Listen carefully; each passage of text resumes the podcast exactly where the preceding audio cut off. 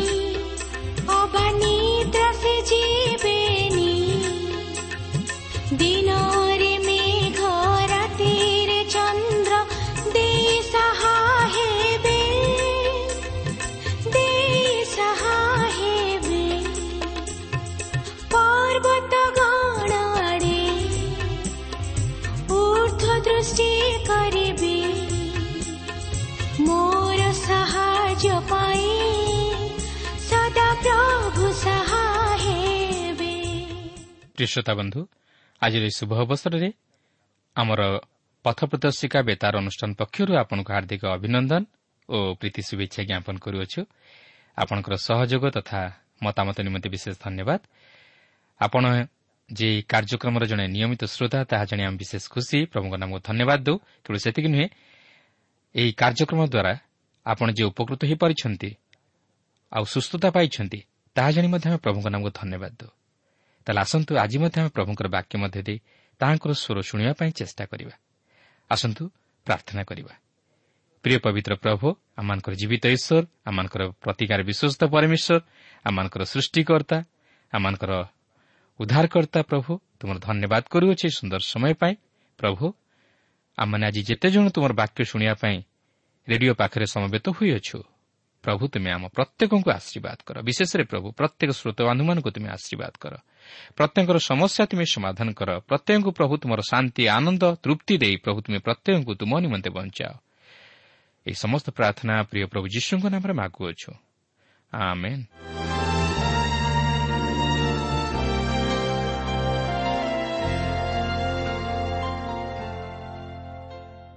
ଆସନ୍ତୁ ବର୍ତ୍ତମାନ ଆମେ ପ୍ରଭୁଙ୍କର ବାକ୍ୟ ମଧ୍ୟକୁ ଯିବା। ଆଜି ଆମେ ପ୍ରଥମ ସାମୁଏଲ ପୁସ୍ତକ ତାହାର ପାଞ୍ଚ ପର୍ବର ପ୍ରଥମ ପଦରୁ ଆରମ୍ଭ କରି ସାତ ପର୍ବର ଛଅ ପଦ ପର୍ଯ୍ୟନ୍ତ ଅଧ୍ୟୟନ କରିବା ନିମନ୍ତେ ଯିବା। ମୋର ଅନୁରୋଧ ଆପଣ ଏହି କାର୍ଯ୍ୟକ୍ରମକୁ ଭଲ ଭାବରେ ଶୁଣନ୍ତୁ। ତାହେଲେ ଆପଣ ପବିତ୍ର ବାଇବଲ ମଧ୍ୟରୁ ଅନେକ କିଛି ନିଗୁଢ଼ ବିଷୟମାନ ଶିକ୍ଷା କରିବାକୁ ପାରିବେ ଯାହାକି ଆପଣଙ୍କର ଆତ୍ମିକ ଜୀବନର ଅଭିବୃଦ୍ଧି ନିମନ୍ତେ ବିଶେଷ ସହାୟକ ହେବ। ତେବେ ଆଜି ଆମେ ସେହି ପୁରାତନ ନିୟମ ମଧ୍ୟରୁ ପ୍ରଥମ ସାମିଲ ପୁସ୍ତକ ତହିଁର ପାଞ୍ଚ ଓ ଛଅ ପର୍ବ ଓ ସାତ ପର୍ବ ଅଧ୍ୟୟନ କରି ଆଲୋଚନା କରିବା ପାଇଁ ଯିବା ଓ ତହିଁରୁ ଆମର ଆଧ୍ୟାତ୍ମିକ ଜୀବନ ନିମନ୍ତେ କିଛି ଶିକ୍ଷା ଗ୍ରହଣ କରିବା। ତେବେ ମୁଁ ପ୍ରତ୍ୟେକଟି ପଦକୁ ନେଇ ବ୍ୟାଖ୍ୟା କରିବା ପାଇଁ ଯାଉନାହିଁ ମାତ୍ର କେତେକ ମୁଖ୍ୟ ପଦ ଉପରେ ତଥା ଘଟଣା ଉପରେ ଆପଣଙ୍କର ଦୃଷ୍ଟି ଆକର୍ଷଣ କରିବା ପାଇଁ ଚାହେଁ। ଆଜି ଆମେ ଏହି ଅଂଶରେ ପଲେଷ୍ଟିୟମାନଙ୍କ ଉପରେ ଈଶ୍ୱରଙ୍କର ବିଚାର ବିଷୟ ନେଇ ଲକ୍ଷ୍ୟ କରିବାକୁ ଯିବା। ବିଶେଷରେ ପାଞ୍ଚ ଓ ଛଅ ପର୍ବରେ ପଲେଷ୍ଟିୟମାନେ ସେହି ନିୟମ ସିନ୍ଧୁକକୁ ସେମାନଙ୍କର ଅଧିକାର ମଧ୍ୟକୁ ଆଣିବା ପରେ ସେମାନେ ଯେଉଁ ସମସ୍ତ ଅନୁଭୂତି ମଧ୍ୟ ଦେଇ ଗତି କଲେ ତାହା ବର୍ଣ୍ଣିତ ହୋଇଥିବାର ଆମେ ଲକ୍ଷ୍ୟ କରିବାକୁ ପାରିବା। ସେମାନେ ଜାଣିବାକୁ ପାରିଲେ ଯେ ସେହି ନିୟମ ସିନ୍ଧୁକର ସେପରି କିଛି ବିଶ୍ୱସତ୍ୱ ନାହିଁ କିନ୍ତୁ ସେହି ନିୟମ ସିନ୍ଧୁକ ସେମାନଙ୍କ ନିକଟରେ ରହିଥିବା ହେତୁ ଈଶ୍ୱରଙ୍କର ଭାରି ହସ୍ତ ସେମାନଙ୍କ ଉପରେ ରହିଥିଲା ଯାହାକି ପ୍ରଥମ ସାମିଲ ପାଞ୍ଚ ପର୍ବର ଛଅ ପଦରେ ଲେଖା ହୋଇଥିବାର ଆମେ ଲକ୍ଷ୍ୟ କରିବାକୁ ପାରିବା। ସେମାନଙ୍କର ଦାଗୋନ ଦେବତା ଭୂମିସାତ ହେଲା। ସେମାନଙ୍କ ମଧ୍ୟରୁ ଅନେକ ଭୟଙ୍କର ଅସୁସ୍ଥ ହୋଇପଡ଼ିଲେ ଓ ଅନେକ ମୃତ୍ୟୁବରଣ କଲେ। ଯେଉଁ ସବୁ ସ୍ଥାନମାନଙ୍କୁ ଏହି ନିୟମ ସିନ୍ଧୁକ ଗଲା ସେହିସବୁ ସ୍ଥାନମାନଙ୍କରେ ଲୋକେ ରୋଗାକ୍ରାନ୍ତ ହୋଇ ମୃତ୍ୟୁବରଣ କଲେ। ତେଣୁକରି ପଲିଷ୍ଟିୟମାନେ ଭୟ କରି ସେହି ନିୟମ ସିନ୍ଧୁକକୁ ଇସ୍ରାଏଲ୍ ଲୋକମାନଙ୍କ ନିକଟକୁ ଫେରାଇ ଦେଲେ ଆଉ ସେହି ନିୟମ ସିନ୍ଧୁକକୁ ସେମାନେ ଗୋଟିଏ ସକଟରେ ବୈତ୍ ସେମସ୍ ପର୍ଯ୍ୟନ୍ତ ପଠାଇଦେଲେ ଆସନ୍ତୁ ତାହେଲେ ସେହିସବୁ ଘଟଣା କିପରି ଘଟିଲା ତାହା ଲକ୍ଷ୍ୟ କରିବାକୁ ଯିବା। ଦେଖନ୍ତୁ ପ୍ରଥମ ସାମୁଏଲ୍ ପାଞ୍ଚ ପର୍ବର ପ୍ରଥମ ପାଞ୍ଚ ପଦରେ ଲେଖା ଅଛି ଏଥିଉତ୍ତାରେ ପଲିଷ୍ଟିୟମାନେ ପରମେଶ୍ୱରଙ୍କ ସିନ୍ଧୁକ ନେଇ ଏବନ୍ ଏଜରରୁ ଅଜଦୋଦକୁ ଯାଇଥିଲେ। ତହିଁ ଉତ୍ତାରୁ ପଲିଷ୍ଟିୟମାନେ ପରମେଶ୍ୱରଙ୍କ ସିନ୍ଧୁକ ନେଇ ଦାଗନ ମନ୍ଦିରକୁ ଆଣି ଦାଗନ ଦେବତା ନିକଟରେ ରଖିଲେ। ତହିଁ ପରଦିନ ଅଜଦୋଦର ଲୋକମାନେ ଶୀଘ୍ର ଉଠନ୍ତେ ଦେଖ ଦାଗୋନ ସଦାପ୍ରଭୁଙ୍କ ସିନ୍ଧୁକ ସମ୍ମୁଖରେ ମୁହଁ ମାଡ଼ି ଭୂମିରେ ପଡ଼ିଅଛି। ତେଣୁ ସେମାନେ ଦାଗନକୁ ପୁନର୍ବାର ଉଠାଇ ତାହା ସ୍ଥାନରେ ରଖିଲେ। ପୁଣି ସେମାନେ ତହିଁଆର ଦିନ ପ୍ରଭାତରେ ଶୀଘ୍ର ଉଠନ୍ତେ ଦେଖ ଦାଗନ ସଦାପ୍ରଭୁଙ୍କ ସିନ୍ଧୁକ ସମ୍ମୁଖରେ ମୁହଁ ମାଡ଼ି ଭୂମିରେ ପଡ଼ିଅଛି। ପୁଣି ଦାଗନର ମୁଣ୍ଡ ଓ ହାତର ଦୁଇ ପାପୁଲି କଟା ହୋଇ ଦ୍ୱାରବନ୍ଧ ଉପରେ ପଡ଼ିଅଛି। କେବଳ ତାହାର ମତ୍ସ୍ୟାକାର ବାକି ରହିଅଛି। ଏହେତୁ ଦାଗନର ଯାଜକମାନେ ଅବା ଯେଉଁମାନେ ଦାଗନ ମନ୍ଦିରକୁ ଆସନ୍ତି ସେମାନଙ୍କ ମଧ୍ୟରୁ କେହି ଆଜି ପର୍ଯ୍ୟନ୍ତ ଅସ୍ଦୋଦସ୍ଥିତ ଦାଗନର ଦ୍ୱାରବନ୍ଧ ମାଡ଼ନ୍ତି ନାହିଁ। ଦେଖନ୍ତୁ ପଲିଷ୍ଟିୟମାନେ ସେହି ନିୟମ ସିନ୍ଧୁକକୁ ନେଇଯିବା ପରେ ସେମାନେ ଭାବୁଥିଲେ ଯେ ସେମାନେ ଏକ ବହୁମୂଲ୍ୟ ବିଷୟ ପାଇଛନ୍ତି। କିନ୍ତୁ ସେମାନେ ଯେତେବେଳେ ସେହି ନିୟମ ସିନ୍ଧୁକକୁ ନେଇ ସେମାନଙ୍କର ଦାଗନ ଦେବତାଙ୍କ ନିକଟରେ ରଖିଲେ ସେମାନଙ୍କର ଦାଗନ ମୁହଁ ମାଡ଼ି ଭୂମିରେ ପଡ଼ିଗଲା। ଓ ସେମାନେ ଯେତେଥର ତାହା ରଖିଲେ ସେତେଥର ଦାଗନ ମୁହଁ ମାଡ଼ି ଭୂମିରେ ପଡ଼ିଗଲା ଓ ଶେଷରେ ସେ ଖଣ୍ଡବିଖଣ୍ଡ ହୋଇଗଲା। ଈଶ୍ୱର ସେହି ପଲିଷ୍ଟିମାନଙ୍କୁ ଜଣାଇ ଦେବାକୁ ଚାହିଁଥିଲେ ଯେ ସେମାନଙ୍କର ଦାଗନ ଦେବତା ତାହାଙ୍କ ସମ୍ମୁଖରେ ଶକ୍ତିହୀନ ଓ ଦୁର୍ବଳ ଓ ଏହାଦ୍ୱାରା ମଧ୍ୟ ପଲିଷ୍ଟିୟମାନେ ଖୁବ୍ ବିରକ୍ତ ହୋଇଯାଇଥିଲେ। ସେମାନେ ଜାଣିପାରିଲେ ଯେ ସେହି ନିୟମ ସିନ୍ଧୁକର ବିଶେଷତ୍ୱ କିଛି ନାହିଁ କିନ୍ତୁ ଅପରପକ୍ଷରେ ଏହା ସେମାନଙ୍କ ନିମନ୍ତେ ଘୋର ବିପଦର କାରଣ ହେଲା। ସେମାନେ ସେହି ନିୟମ ସିନ୍ଧୁକ ସେମାନଙ୍କ ନିକଟରେ ରଖିବା ଦ୍ୱାରା ଈଶ୍ୱରଙ୍କ କ୍ରୋଧ ସେମାନଙ୍କ ଉପରେ ବର୍ତ୍ତିଲା। ଫଳତଃ ସେମାନେ ମୃତ୍ୟୁବରଣ କଲେ ଓ ଅନେକ ଅସହ୍ୟ ରୋଗରେ ଆକ୍ରାନ୍ତ ହେଲେ। ସେମାନେ ଅନେକ ବିପଦର ସମ୍ମୁଖୀନ ହେଲେ। ଏହାପରେ ପାଞ୍ଚ ପର୍ବର ଛଅରୁ ସାତ ପଦ ମଧ୍ୟରେ ଆମେ ଦେଖୁ ଯେ ସେହି ନିୟମ ସିନ୍ଧୁକ ହେତୁ ଅଜଦୁଦୀୟ ଲୋକମାନେ ଅର୍ଶ ରୋଗରେ ଆକ୍ରାନ୍ତ ହେଲେ ଓ ସେମାନେ ମଧ୍ୟ ଜାଣିପାରିଲେ ଯେ ସେହି ନିୟମ ସିନ୍ଧୁକ ହେତୁ ଇସ୍ରାଏଲ୍ର ସଦାପ୍ରଭୁଙ୍କର କ୍ରୋଧ ସେମାନଙ୍କ ଉପରେ ବର୍ତ୍ତି ଅଛି। ତେଣୁକରି ସେମାନେ ନିୟମ ସିନ୍ଧୁକକୁ ପଲିଷ୍ଟିୟମାନଙ୍କର ଅନ୍ୟ ଏକ ନଗରକୁ ପଠାଇଦେଲେ। ଏହାପରେ ଆଠ ପଦରୁ ବାର ପଦ ମଧ୍ୟରେ ଆମେ ଦେଖୁ ଯେ ଇସ୍ରାଏଲ୍ର ପରମେଶ୍ୱରଙ୍କ ନିୟମ ସିନ୍ଧୁକ ଗାଥ ନଗରକୁ ଆସିବା କ୍ଷଣି ଗାଥ ନଗରର ଲୋକମାନେ ମଧ୍ୟ ଅର୍ଶ ରୋଗରେ ଆକ୍ରାନ୍ତ ହେଲେ ଓ ସଦାପ୍ରଭୁଙ୍କ ହସ୍ତ ନଗର ବିରୁଦ୍ଧରେ ଉଠିଲା ଓ ସେ ସାନ ବଡ଼ ଉଭୟଙ୍କୁ ଆଘାତ କଲେ। ତେଣୁ ସେମାନଙ୍କ ମଧ୍ୟରେ ଏକ ଭାଳଣୀ ପଡ଼ିଲା ଯେ ସେମାନେ ସେହି ନିୟମ ସିନ୍ଧୁକ ନିମନ୍ତେ କ'ଣ କରିବେ? ଶେଷରେ ସେହି ପଲିଷ୍ଟିୟମାନଙ୍କର ଅଧିପତିମାନେ ମିଳିତ ହୋଇ ସେହି ନିୟମ ସିନ୍ଧୁକକୁ ଇସ୍ରାଏଲ୍ ଦେଶକୁ ପଠାଇ ଦେବା ନିମନ୍ତେ ସ୍ଥିର କଲେ ଯାହାକି ଆମେ ଏହି ପ୍ରଥମ ସାମିଲ ପୁସ୍ତକର ଛଅ ପର୍ବରେ ଲକ୍ଷ୍ୟ କରିବାକୁ ପାରିବା। ତେବେ ଏହିଠାରେ ଆମେ ପାଞ୍ଚ ପର୍ବଟିକୁ ଅଧ୍ୟୟନ କରି ସମାପ୍ତ କଲେ ମାତ୍ର ଏହାପରେ ଆମେ ଛଅ ପର୍ବ ମଧ୍ୟକୁ ଯିବା। ଛଅ ପର୍ବର ପ୍ରଥମ ପଦରେ ଏହିପରି ଲେଖା ଅଛି ସଦାପ୍ରଭୁଙ୍କ ସିନ୍ଧୁକ ପଲିଷ୍ଟିୟମାନଙ୍କ ଦେଶରେ ସାତ ମାସ ରହିଲା। ଦେଖନ୍ତୁ ସେହି ନିୟମ ସିନ୍ଧୁକ ପଲିଷ୍ଟିୟମାନଙ୍କ ଦେଶରେ ସାତ ମାସ ରହିଥିଲା। କିନ୍ତୁ ସେହି ସାତ ମାସ ମଧ୍ୟରେ ଇସ୍ରାଏଲ୍ର ପରମେଶ୍ୱରଙ୍କ ନିୟମ ସିନ୍ଧୁକ ଯେଉଁ ଯେଉଁ ସ୍ଥାନକୁ ଗଲା ସେହିସବୁ ସ୍ଥାନମାନଙ୍କ ଉପରେ ପରମେଶ୍ୱରଙ୍କର ଭାରି ହସ୍ତ ରହିଲା। ସେମାନଙ୍କର ଦେବତା ଦାଗୋନ୍ ନିୟମ ସିନ୍ଧୁକ ସମ୍ମୁଖରେ ମୁହଁ ମାଡ଼ି ପଡ଼ି ଖଣ୍ଡବିଖଣ୍ଡ ହେଲା। ସେମାନେ ଅର୍ଶ ରୋଗରେ ଆକ୍ରାନ୍ତ ହୋଇ ମଲେ। ତେଣୁକରି ଗାଥର ଲୋକମାନେ ସେହି ନିୟମ ସିନ୍ଧୁକକୁ ଇକ୍ରୋଣକୁ ପଠାଇଦେଲେ ଓ ସେମାନେ ମଧ୍ୟ ସେହି ନିୟମ ସିନ୍ଧୁକକୁ ରଖିବାକୁ ଚାହିଁଲେ ନାହିଁ ଓ ସେମାନେ ମଧ୍ୟ ତାହାକୁ ପଠାଇଦେଲେ। ଏହାପରେ ପଲିଷ୍ଟିୟମାନଙ୍କର ଅଧିପତିମାନେ ସେହି ନିୟମ ସିନ୍ଧୁକକୁ ଇସ୍ରାଏଲ୍ ଦେଶକୁ ପଠାଇଦେବା ନିମନ୍ତେ ସ୍ଥିର କଲେ। ଯାହାକି ଆମେ ଛଅ ପର୍ବର ଦୁଇ ପଦରୁ ଚାରି ପଦ ମଧ୍ୟରେ ଉଲ୍ଲେଖ ହୋଇଥିବାର ଲକ୍ଷ୍ୟ କରିବାକୁ ପାରୁ। ଦେଖନ୍ତୁ ସେମାନେ ସେହି ନିୟମ ସିନ୍ଧୁକକୁ ଫେରାଇ ଦେବା ନିମନ୍ତେ ଯାଉଛନ୍ତି ମାତ୍ର ସେମାନେ କେଉଁପରି ଭାବେ ତାହାକୁ ପଠାଇବେ ତାହା ଜାଣିପାରୁନାହାନ୍ତି। ସେଥିହେତୁ ସେମାନେ ଯାଜକମାନଙ୍କ ଓ ମନ୍ତ୍ରଜ୍ଞମାନଙ୍କ ସହିତ ପରାମର୍ଶ କଲେ ଓ ଇସ୍ରାଏଲ୍ର ପରମେଶ୍ୱରଙ୍କ ସିନ୍ଧୁକ ଯେପରି ଖାଲି ଫେରାଇ ଦିଆ ନ ଯାଏ ଏଥିନିମନ୍ତେ ସେମାନେ ସେହି ଅଧିପତିମାନଙ୍କୁ ପରାମର୍ଶ ଦେଲେ। ତେଣୁ ସେମାନେ କେତେକ ଉପହାର ସହିତ ସେହି ନିୟମ ସିନ୍ଧୁକକୁ ଫେରାଇ ଦେଲେ ଯେଉଁ ଉପହାରଗୁଡ଼ିକ ପଲିଷ୍ଟିୟମାନଙ୍କର ଅତି ନିଚତର ଉପାସନାକୁ ପ୍ରକାଶ କରେ। ସେମାନଙ୍କର ସେହି ଉପହାର ମଧ୍ୟରେ ସ୍ୱର୍ଣ୍ଣମୟ ପାଞ୍ଚ ଅର୍ଷ ଓ ସ୍ୱର୍ଣ୍ଣମୟ ପାଞ୍ଚ ମୂଷିକ ଥିଲା କାରଣ ସେମାନଙ୍କ ସମସ୍ତଙ୍କୁ ଏକ ରୂପ ମହାମାରୀ ଘଟିଥିଲା। ଅନେକ ଲୋକ କହନ୍ତି ଯେ ଈଶ୍ୱର କାହିଁକି ତାହାଙ୍କ ଦେଶ ମଧ୍ୟରୁ ପଲିଷ୍ଟିମାନଙ୍କୁ ତଳିଦେଲେ ଯେହେତୁ ସେମାନଙ୍କର ଉପାସନା ଅତି ନିଶ୍ଚତର ଥିଲା ଓ ସେମାନେ ଦେବତାମାନଙ୍କୁ ପୂଜା କରୁଥିଲେ ତେଣୁ ସେମାନଙ୍କର ଏହି କୁପ୍ରଭାବ ଯେପରି ଅନ୍ୟମାନଙ୍କ ଉପରେ ନ ପଡ଼େ ଏଥିପାଇଁ ଈଶ୍ୱର ସେମାନଙ୍କୁ ଇସ୍ରାଏଲ୍ମାନଙ୍କ ମଧ୍ୟରୁ ତଡ଼ି ଦେଇଥିଲେ କାରଣ ସେମାନେ ଈଶ୍ୱରଙ୍କଠାରୁ ସମ୍ପୂର୍ଣ୍ଣ ଦୂରେଇ ଯାଇଥିଲେ। ଏଠାରେ ଈଶ୍ୱର ସେମାନଙ୍କର ପରିବର୍ତ୍ତନ ନିମନ୍ତେ ଆଉ ଏକ ସୁଯୋଗ ଦିଅନ୍ତି।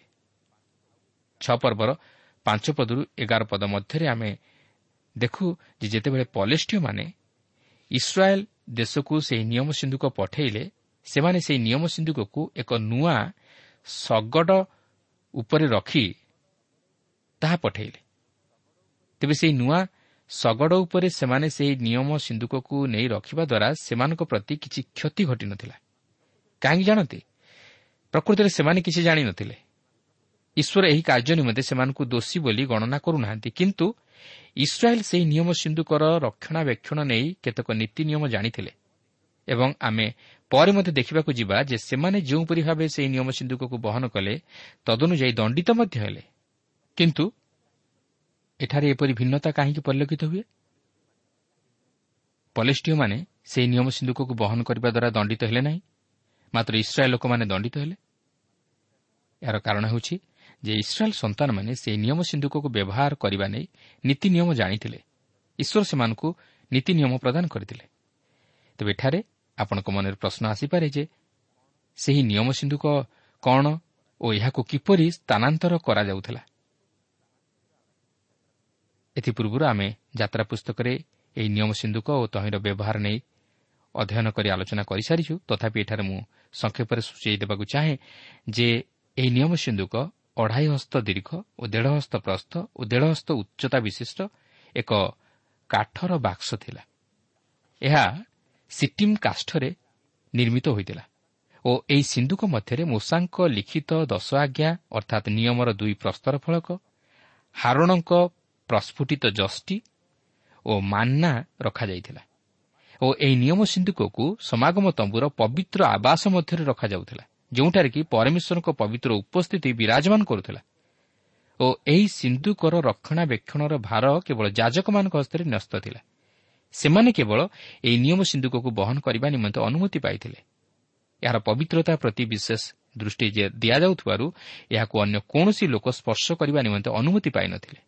ତାଛଡ଼ା ଏହି ନିୟମ ସିନ୍ଧୁକକୁ ସେହି ଆବାସର ପବିତ୍ର ସ୍ଥାନ ବ୍ୟତୀତ ଅନ୍ୟ କୌଣସି ସ୍ଥାନରେ ରଖାଯାଉନଥିଲା କି ଅନ୍ୟ କୌଣସି ସ୍ଥାନକୁ ନିଆଯାଉନଥିଲା ଏହି ନିୟମ ସିନ୍ଧୁକକୁ ସମାଗମ ତମ୍ବୁର ପବିତ୍ର ଆବାସର ମହାପବିତ୍ର ସ୍ଥାନରେ ରଖାଯାଉଥିଲା ଯେଉଁଠାରେ କି ଈଶ୍ୱରଙ୍କ ଉପସ୍ଥିତି ବିରାଜମାନ କରୁଥିଲା। ଅନ୍ୟ କୌଣସି ମନୁଷ୍ୟ ଏହାକୁ ସ୍ପର୍ଶ କଲେ ମୃତ୍ୟୁବରଣ କରିବ ବୋଲି ବ୍ୟବସ୍ଥା ମଧ୍ୟ ପ୍ରଦାନ କରାଯାଇଥିଲା।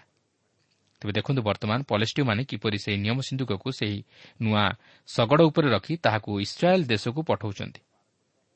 ଛଅ ପର୍ବର ବାରପଦରେ ଲେଖା ଅଛି ତହୁଁ ସେହି ଗାଭୀମାନେ ସଳଖ ପଥ ଧରି ବୈତ ସେମସ୍କୁ ଯିବା ବାଟରେ ଗଲେ ସେମାନେ ଯାଉ ଯାଉ ହମ୍ବାରବ ପକାଇ ସଡ଼କରେ ଗଲେ ଦକ୍ଷିଣକୁ କି ବାମକୁ ଫେରିଲା ନାହିଁ ଆଉ ସେମାନଙ୍କ ପଛେ ପଛେ ପଲେଷ୍ଟିୟ ଅଧିପତିମାନେ ବୈତ ସେମସ୍ ସୀମା ପର୍ଯ୍ୟନ୍ତ ଗଲେ। ଦେଖନ୍ତୁ ଏହି ଗାଈମାନେ ସେମାନଙ୍କର ସନ୍ତାନମାନଙ୍କୁ ଛାଡ଼ି ସେମାନଙ୍କର ଇଚ୍ଛା ବିରୁଦ୍ଧରେ ଯାଉଅଛନ୍ତି। ଆଉ ସେହି ପଲେଷ୍ଟିୟମାନେ ଏପରି କରିବାର କାରଣ ହେଉଛି ଯେ ସେମାନଙ୍କର ସମସ୍ୟା ଈଶ୍ୱରଙ୍କ ଆଡ଼ୁ ଘଟିଅଛି ବୋଲି ଲୋକମାନେ ଯେପରି ଜାଣିବାକୁ ପାରିବେ। ଏହାପରେ ଛଅ ପର୍ବର ତେର ପଦରୁ ପନ୍ଦର ପଦ ମଧ୍ୟରେ ଆମେ ଦେଖୁ ଯେ ଇସ୍ରାଏଲ୍ ଲୋକମାନେ ପଲେଷ୍ଟିୟମାନଙ୍କଠାରୁ ସେମାନଙ୍କ ନିଜ ନିମନ୍ତେ କୌଣସି ବିଷୟ ଗ୍ରହଣ କରିବେ ନାହିଁ। କାରଣ ସେମାନେ ତାହା ଗ୍ରହଣ କରିବା ଦ୍ୱାରା ସେଥି ନିମନ୍ତେ ଦୋଷୀକୃତ ହେବାକୁ ଥିଲା। ଏହାପରେ ଷୋହଳ ପଦରେ ଲେଖା ଅଛି ଯେ ପଲେଷ୍ଟିୟମାନେ ବର୍ତ୍ତମାନ ଖୁସି ଯେହେତୁ ସେହି ନିୟମ ସିନ୍ଧୁକ ଇସ୍ରାଏଲ୍ ଦେଶକୁ ଚାଲିଯାଇଛି ଓ ଇସ୍ରାଏଲ୍ମାନଙ୍କ ଦ୍ୱାରା ଗୃହୀତ ହୋଇଛି। ବର୍ତ୍ତମାନ ଆମେ ଦେଖିବାକୁ ଯିବା ଯେତେବେଳେ ସେହି ନିୟମ ସିନ୍ଧୁକ ଇସ୍ରାଏଲ୍ ଲୋକମାନଙ୍କ ନିକଟକୁ ଫେରିଆସିଛି ସେମାନେ ଏଥିସହିତ ସମସ୍ୟାର ମଧ୍ୟ ସମ୍ମୁଖୀନ ହେଉଛନ୍ତି। ଛଅ ପର୍ବର ସତର ପଦରୁ ଉଣେଇଶ ପଦରେ ଲେଖା ଅଛି ପଲେଷ୍ଟିୟମାନେ ସଦାପ୍ରଭୁଙ୍କ ଉଦ୍ଦେଶ୍ୟରେ ଦୋଷାର୍ଥକ ଉପହାର ରୂପେ ଏହିସବୁ ସ୍ୱର୍ଣ୍ଣମୟ ଅର୍ଷ ପଠାଇଥିଲେ ଯଥା ଅଜଦୋଦ ପାଇଁ ଏକ ଘଷା ପାଇଁ ଏକ ଅସ୍କିଲୋନ୍ ପାଇଁ ଏକ ଗାଥ ପାଇଁ ଏକ ଇକ୍ରୋନ୍ ପାଇଁ ଏକ। ପୁଣି ବୈତ୍ ସେମସ୍ୟ ଜିଓସିଓର କ୍ଷେତ୍ରସ୍ଥିତ ଯେଉଁ ବଡ଼ ପଥର ଆଜି ପର୍ଯ୍ୟନ୍ତ ଅଛି ଜହିଁ ଉପରେ ସେମାନେ ସଦାପ୍ରଭୁଙ୍କ ସିନ୍ଧୁକ ରଖିଥିଲେ ସେ ପର୍ଯ୍ୟନ୍ତ ପାଞ୍ଚ ଅଧିପତିଙ୍କ ଅଧୀନସ୍ଥ ପ୍ରାଚୀର ବିସ୍ତୃତ ନଗର ହେଉ କି ଦେଶୀୟ ଗ୍ରାମମାନ ହେଉ ପଲିଷ୍ଠୀୟମାନଙ୍କ ନଗର ସକଳର ସଂଖ୍ୟାନୁସାରେ ସ୍ୱର୍ଣ୍ଣମୟ ମୂଷିକ ପଠାଇଲେ। ପୁଣି ବୈତ୍ ସେମସ୍ୟ ଲୋକମାନେ ସଦାପ୍ରଭୁଙ୍କ ସିନ୍ଧୁକକୁ ଅନାଇବାରୁ ସେ ସେମାନଙ୍କୁ ବଦ୍ଧ କଲେ। ଲୋକମାନଙ୍କ ମଧ୍ୟରୁ ସତୁରୀ ଜଣ ଅର୍ଥାତ୍ ହଜାରକେ ପଞ୍ଚାଶ ଜଣ ବଧ କଲେ। ପୁଣି ସଦାପ୍ରଭୁ ମହାସଂହାରରେ ଲୋକମାନଙ୍କର ସଂହାର କରିବାରୁ ସେମାନେ ବିଳାପ କଲେ। ଈଶ୍ୱର ଯାହା ନିଷେଧ କରିଥିଲେ ବୟତ ସେମସ୍ୟ ଲୋକମାନେ ତାହା କଲେ। ସେହି ନିୟମ ସିନ୍ଧୁକ ମହାପବିତ୍ର ସ୍ଥାନରେ ରଖାଯାଉଥିଲା ଓ କେବଳ ମହାଯାଜକ ତାହାକୁ ଦେଖିବାକୁ ଥିଲେ। ଏପରିକି ମହାଯାଜକ ମଧ୍ୟ ବର୍ଷକୁ ଥରେ ମାତ୍ର ସେହି ମହାପବିତ୍ର ସ୍ଥାନରେ ପ୍ରବେଶ କରି ତାହାକୁ ଦେଖିବା ନିମନ୍ତେ ସୁଯୋଗ ପାଉଥିଲେ। ଏହାପରେ କୋଡ଼ିଏ ପଦରେ ଲେଖା ଅଛି ଆହୁରି ବୈତ ସେମସ୍ୟ ଲୋକମାନେ କହିଲେ ଏହି ପବିତ୍ର ପରମେଶ୍ୱର ସଦାପ୍ରଭୁଙ୍କ ସମ୍ମୁଖରେ କିଏ ଛିଡ଼ା ହୋଇପାରେ? ଏବେ ଆମମାନଙ୍କଠାରୁ ସେ କାହା ନିକଟକୁ ଯିବେ?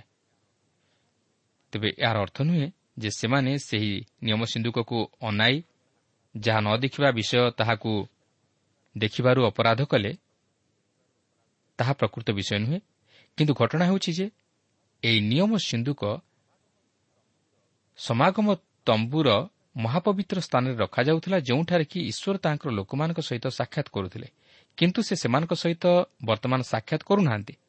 ସେମାନେ ତାହାଙ୍କଠାରୁ ଦୂରେଇ ଯାଇଛନ୍ତି। ସେମାନଙ୍କର ବିଦ୍ରୋହାଚରଣ ସେମାନଙ୍କର ଅବାଧ୍ୟତାରୁ ହିଁ ପ୍ରକାଶିତ ହୁଏ। ଏହି କାରଣରୁ ଈଶ୍ୱର ସେମାନଙ୍କ ପ୍ରତି ବିଚାର ବର୍ତ୍ତାଇଲେ। ଏହାପରେ ଏକୋଇଶ ପଦରେ ଲେଖା ଅଛି ତେଣୁ ସେମାନେ କିରିୟଥ ଜିଆରିମିୟ ଲୋକମାନଙ୍କ ନିକଟକୁ ଦୂତ ପଠାଇ କହିଲେ ପଲେଷ୍ଟିୟମାନେ ସଦାପ୍ରଭୁଙ୍କ ସିନ୍ଧୁକ ଫେରାଇ ଆଣିଅଛନ୍ତି ତୁମେମାନେ ଆସି ଆପଣମାନଙ୍କ ନିକଟକୁ ତାହା ନେଇଯାଅ। ଦେଖନ୍ତୁ ସେମାନେ ବର୍ତ୍ତମାନ ସେହି ନିୟମ ସିନ୍ଧୁକକୁ ସେମାନଙ୍କ ନିକଟରୁ କିରିୟଥ ଜିଆରିମିୟ ଲୋକମାନଙ୍କ ନିକଟକୁ ପଠାଇ ଦେଉଛନ୍ତି। ସେମାନେ ସେମାନଙ୍କୁ ଖବର ପଠାଇ କହୁଛନ୍ତି ତୁମେମାନେ ଆସି ଆପଣମାନଙ୍କ ନିକଟକୁ ତାହା ନେଇଯାଅ। ଅନ୍ୟ ଅର୍ଥରେ କହିବାକୁ ଗଲେ ଇସ୍ରାଏଲ୍ ସେହି ନିୟମ ସିନ୍ଧୁକକୁ ଗ୍ରହଣ କରିବା ନିମନ୍ତେ ପ୍ରସ୍ତୁତ ନୁହନ୍ତି। ଈଶ୍ୱରଙ୍କ ଲୋକମାନେ ଈଶ୍ୱରଙ୍କ ନିକଟକୁ ଫେରିଯିବା ନିମନ୍ତେ ପ୍ରସ୍ତୁତ ନୁହନ୍ତି। ପ୍ରିୟ ବନ୍ଧୁ ଆମେ ଈଶ୍ୱରଙ୍କ ଆଜ୍ଞାର ଅବାଧ୍ୟ ହୋଇ କେଉଁଠିକି ଯାଇ ମଧ୍ୟ ରକ୍ଷା ପାଇପାରିବା ନାହିଁ। କିନ୍ତୁ କେବଳ ଈଶ୍ୱରଙ୍କ ନିକଟକୁ ଗଲେ ହିଁ ଆମେ ରକ୍ଷା ପାଇପାରିବା।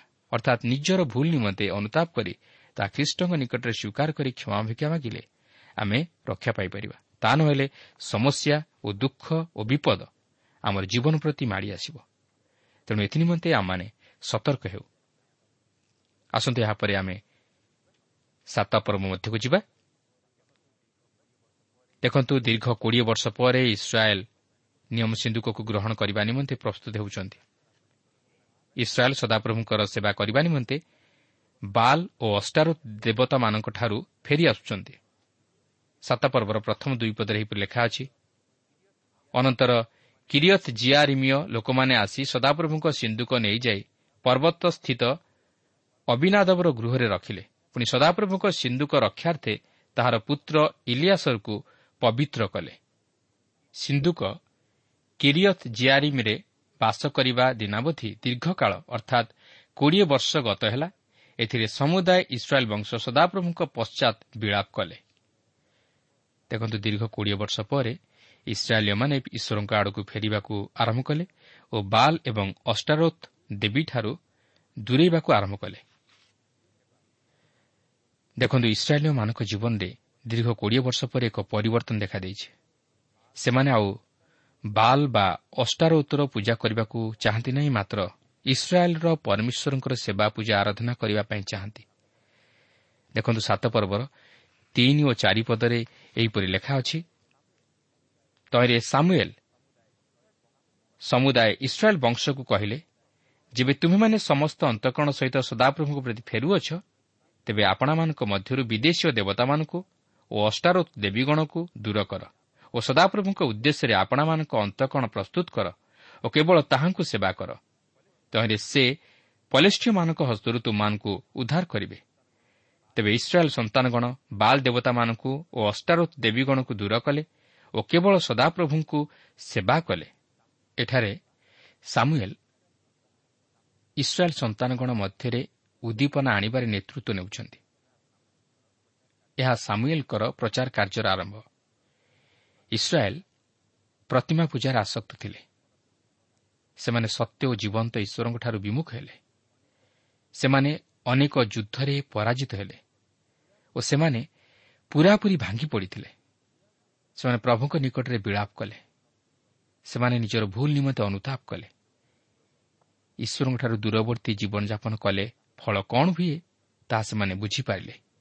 ଓ ସେମାନେ ଈଶ୍ୱରଙ୍କ ନିକଟକୁ ଫେରିଆସିଲେ ପ୍ରିୟ ବନ୍ଧୁ ଆଜି ଯଦି ଆମେ ଈଶ୍ୱରଙ୍କଠାରୁ ଦୂରବର୍ତ୍ତୀ ଜୀବନଯାପନ କରି ପାପରେ ପତିତ ହୋଇଅଛୁ ତାହେଲେ ନିଜର ପାପ ନିମନ୍ତେ ଅନୁତାପ କରି ପ୍ରଭୁ ଯୀଶୁଙ୍କଠାରେ ତାହା ସବୁ ସ୍ୱୀକାର କରି ପାପରୁ ଉଦ୍ଧାର ପାଇ ପୁନର୍ବାର ଈଶ୍ୱରଙ୍କ ସହିତ ସେହି ସହଭାଗିତା ସ୍ଥାପନ କରିବା ନିମନ୍ତେ ଚେଷ୍ଟା କରୁ ଏପରିକି ଯଦି ପ୍ରତିମା ପୂଜାରେ ଆସକ୍ତ ଅଛୁ ତାହେଲେ ତାହା ପରିତ୍ୟାଗ କରି ସତ୍ୟ ଓ ଜୀବନ୍ତ ଈଶ୍ୱରଙ୍କର ନିକଟବର୍ତ୍ତୀ ହେବାକୁ ଚେଷ୍ଟା କରୁ। ଏହାପରେ ସାତ ପର୍ବର ପାଞ୍ଚ ପଦରୁ ଛଅ ପଦ ମଧ୍ୟରେ ଲେଖା ଅଛି ଅନନ୍ତର ସାମୁଏଲ୍ କହିଲେ ତୁମ୍ଭେମାନେ ସମୁଦାୟ ଇସ୍ରାଏଲ୍କୁ ମିସ୍ପିରେ ଏକତ୍ର କର। ତହିଁରେ ମୁଁ ତୁମାନଙ୍କ ନିମନ୍ତେ ସଦାପ୍ରଭୁଙ୍କ ନିକଟରେ ପ୍ରାର୍ଥନା କରିବି। ତୁ ସେମାନେ ମିସ୍ପିରେ ଏକତ୍ରିତ ହୋଇ ଜଳ କାଢ଼ିଲେ ଓ ସଦାପ୍ରଭୁଙ୍କ ସମ୍ମୁଖରେ ତାହା ଢାଳି ସେହିଦିନ ଉପବାସ କରି ସେହିଠାରେ କହିଲେ ଆମମାନେ ସଦାପ୍ରଭୁଙ୍କ ବିରୁଦ୍ଧରେ ପାପ କରିଅଛୁ। ଏଉତାରେ ସାମୁଏଲ୍ ମିସ୍ପିରେ ଇସ୍ରାଏଲ୍ ସନ୍ତାନଗଣର ବିଚାର କଲେ। ଦେଖନ୍ତୁ ସାମୁଏଲ୍ କେବଳ ଭବିଷ୍ୟତ ବକ୍ତା ନଥିଲେ ସେ ମଧ୍ୟ ଇସ୍ରାଏଲ୍ ଜାତିର ବିଚାରକର୍ତ୍ତା ଥିଲେ।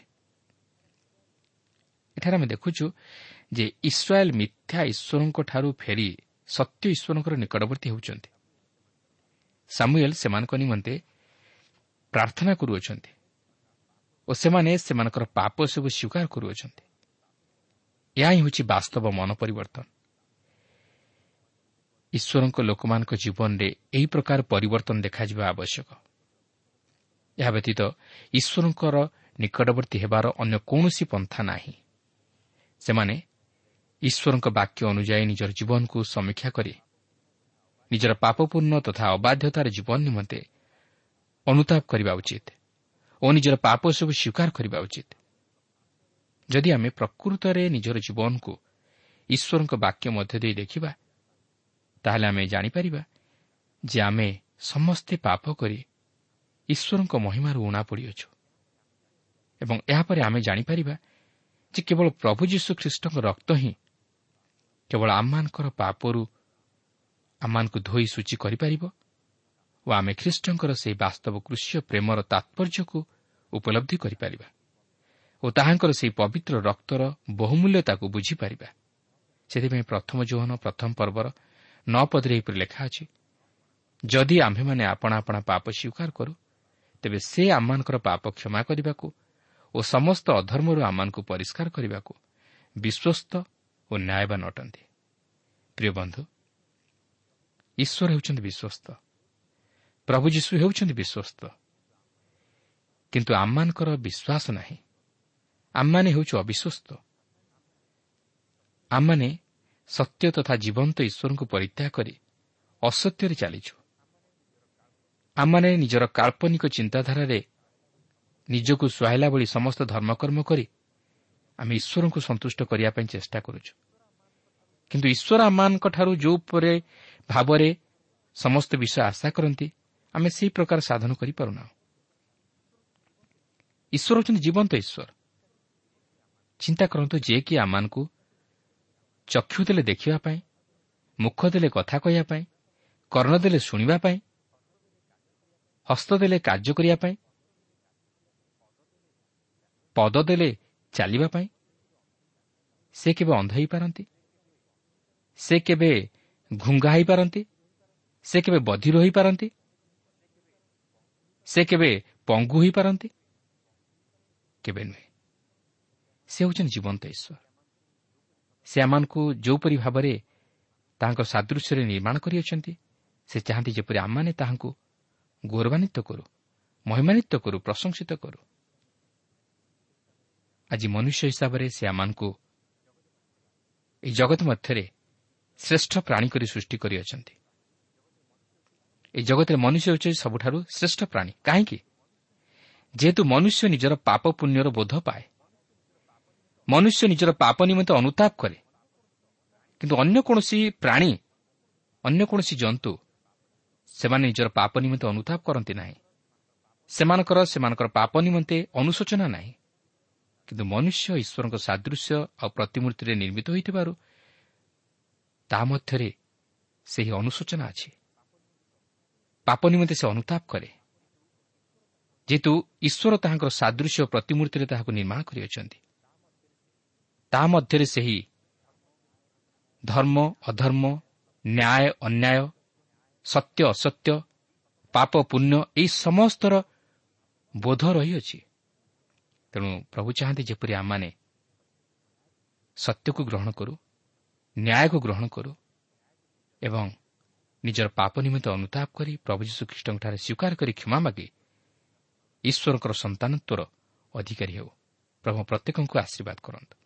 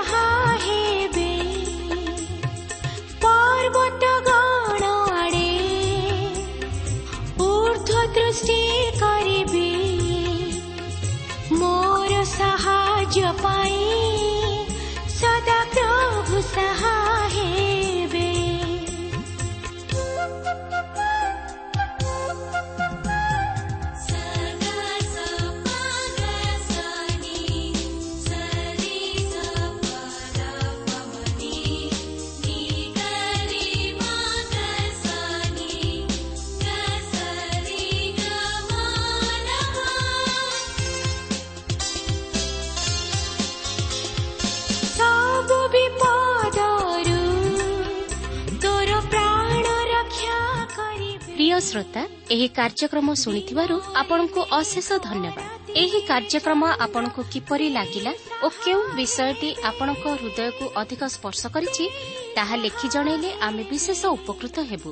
ଯଦି କିଛି ପ୍ରଶ୍ନ ବା ସନ୍ଦେହ ଥାଏ ତାହା ପତ୍ର ମାଧ୍ୟମରେ ଅଥବା ଟେଲିଫୋନ୍ ଯୋଗେ ଆମକୁ ଜଣାନ୍ତୁ। ଆମର ଠିକଣା ପଥ ପ୍ରଦର୍ଶିକା Trans World Radio India post box number ତିନି ତିନି ଭୁବନେଶ୍ୱର ସାତ ପାଞ୍ଚ ଏକ ଶୂନ ଶୂନ ଏକ mobile number nine seven double seven double two one four one five ଠିକଣାଟି ଆଉଥରେ ଶୁଣନ୍ତୁ ପଥ ପ୍ରଦର୍ଶିକା Trans World Radio India post box number three three Bhubaneswar seven five one zero zero one mobile number nine seven double seven double two one four one five ଆମର email ଆଡ୍ରେସଟି ଲେଖି ରଖନ୍ତୁ Odia TV at radio eight eight two dot com ତେବେ ଆଜି ପାଇଁ ଏଠାରେ ରଖୁଛୁ। ନମସ୍କାର। ପର୍ବତ ଗଣ ଆଡ଼େ ঊର୍ଧ୍ୱ ଦୃଷ୍ଟି କରିବି ମୋର ସାହାଯ୍ୟ ପାଇଁ ସଦା ପ୍ରଭୁ ସାହା